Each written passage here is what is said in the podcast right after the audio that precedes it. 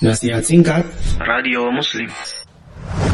Saudaraku seiman dan seakidah Dalam mengarungi kehidupan Pasti Anda memiliki banyak pengalaman Ada suka dan duka. Banyak hal yang tidak sejalan dengan apa yang Anda inginkan. Anda memerintahkan Putra putri Anda tidak nurut. Anda menginginkan Namun tidak terwujud.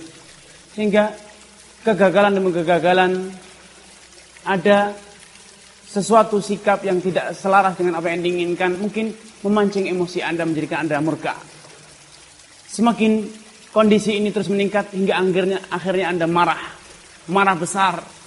Wajah Anda memerah. Mata Anda pun memerah, terbelalak, melotot. Urat-urat Anda pun tegang. Itulah amarah. Amarah kata Rasulullah SAW adalah jamroh. Adalah bara api kobaran api yang dikobarkan oleh setan dalam diri anda. Ara'aitum ila humrati aini. Tidakkah kalian lihat bagaimana orang yang sedang marah matanya memerah. Wantifahi audajihi. Kemudian urat-uratnya tegang semuanya. Itu sejatinya ialah setan yang menjadikan anda marah. Karena di antara etika ketika anda marah untuk meredam amarah. Ketika anda marah, anda berwudu Ketika Anda terkena air wudhu, maka pasti amarah Anda akan reda. Karena kobaran api yang dikobarkan oleh setan dalam diri Anda akan padam paling kurang berkurang. Sebesar apa pun api. Sebesar apa pun kobaran api, bila terkena air, terkena siraman air, pasti akan padam. Karenanya, saudaraku Seman Sakidah, ketika ada seorang lelaki yang bertanya kepada Rasulullah SAW, meminta untuk diberi wasiat. Ausini Rasulullah SAW mengatakan kepadanya la taghdab, jangan pernah engkau marah. Lelaki tersebut seakan merasa ini pesan yang kurang spesial. Ia ingin satu pesan yang spesial. Ausini dia kembali mengulang. Ya Rasulullah berilah aku wasiat. Kembali Rasulullah SAW mengulang la taghdab, jangan sekali-kali engkau marah dalam hidupmu. Lelaki tersebut masih belum merasa ini adalah wasiat yang spesial, pesan yang spesial.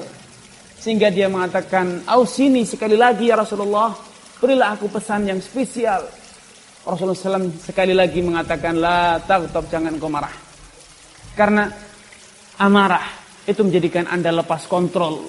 Menjadikan anda berlaku kasar. Menjadikan anda tidak bisa menahan diri dan tentu ketika Anda menghadapi urusan apa saja dalam kondisi marah, urusan Anda bukannya cepat selesai. Urusan Anda bukannya semakin indah, bahkan sebaliknya semakin rusak. Suatu hari, datang seorang Yahudi. Dia mengucapkan salam kepada Rasulullah SAW yang mengatakan Assalamualaikum. Semoga engkau binasa, wahai Muhammad. Semoga engkau celaka. Rasulullah SAW dengan tenang, tanpa emosi, tanpa tersinggung, beliau menjawab wa'alaik sama-sama semoga engkau juga. Namun beda sikap Aisyah yang mengetahui ucapan Yahudi ini dia marah dan membalas dengan yang lebih keras. Assalamu alaika wal. Semoga engkaulah yang binasa dan engkaulah yang terkutuk. Rasulullah SAW ketika mengetahui istrinya sedang emosi, dia mengatakan, Rifkan ya Aisyah, wai Aisyah, tenang, tidak perlu marah. Jangan perlu bersikap kasar. Kemudian Aisyah merasa ada sesuatu yang tidak beres. Kok malah dia yang ditegur? Dia mengatakan, Ya Rasulullah, amma sami'ta maqal. Tidakkah engkau mendengar apa yang dia ucapkan? Rasulullah mengatakan, Bala, awama sami'ti maqul. Aku mendengar, namun tidakkah engkau juga mendengar apa jawabanku kepadanya? Allah pasti mengabulkan doa kita, namun tidak mungkin mengabulkan doa dia. Ini keyakinan. Sehingga tidak pantas, tidak seperlunya kita marah menghadapi perilaku orang-orang Yahudi, perilaku orang-orang Nasrani yang kurang ajar. Kemudian Rasulullah SAW memberikan alasan kepada Aisyah, Inna rifqa la yakun fi illa zanah. Oh Aisyah, lemah lembut. Tidaklah menyertai suatu urusan apa pun urusan itu, kecuali urusan itu akan menjadi indah. Namun sebaliknya, wala yunza'an syai'in illa sya'nah. Tidaklah dicabut dari urusan apa pun, kecuali urusan itu akan menjadi buruk dan menjadi jelek. Karena Jadilah bagaikan air yang terus mengalir, mengucur. Apa pun kondisi yang terjadi, tidak akan Anda emosi, apalagi sampai marah. Simak bagaimana Allah Subhanahu wa taala berpesan kepada umat Islam, idfa billatihi ahsan. Balaslah dengan yang terbaik. Perilaku kurang ajar orang, perilaku tidak santun orang, balaslah dengan yang baik. Apa hasilnya? Fa'idalladzi bainaka wa bainahu adawatun ka'annahu waliyun. Bisa jadi dengan cara ini bahkan bisa dipastikan ketika Anda mampu bersikap baik semacam ini, Anda dimaki, Anda malah memuji. Anda dimusuhi, Anda malah memberi hadiah. Ketika Anda dimusuhi oleh saudara, diputus hubungan oleh saudara, justru Anda terus berupaya untuk menyambung tali silaturahmi. Sehingga dengan cara-cara seperti ini kata Allah, Orang yang pada awalnya memusuhi, marah sama kita, apa yang terjadi? Waliyun hamim. Sekejap akan berubah, dia akan menjadi pembela yang sangat setia kepada kita. Karena percayalah, kunci sukses bukanlah amarah. Namun kunci sukses adalah kemampuan Anda untuk menahan diri. Kemampuan Anda untuk menjaga emosi agar tidak lepas kontrol.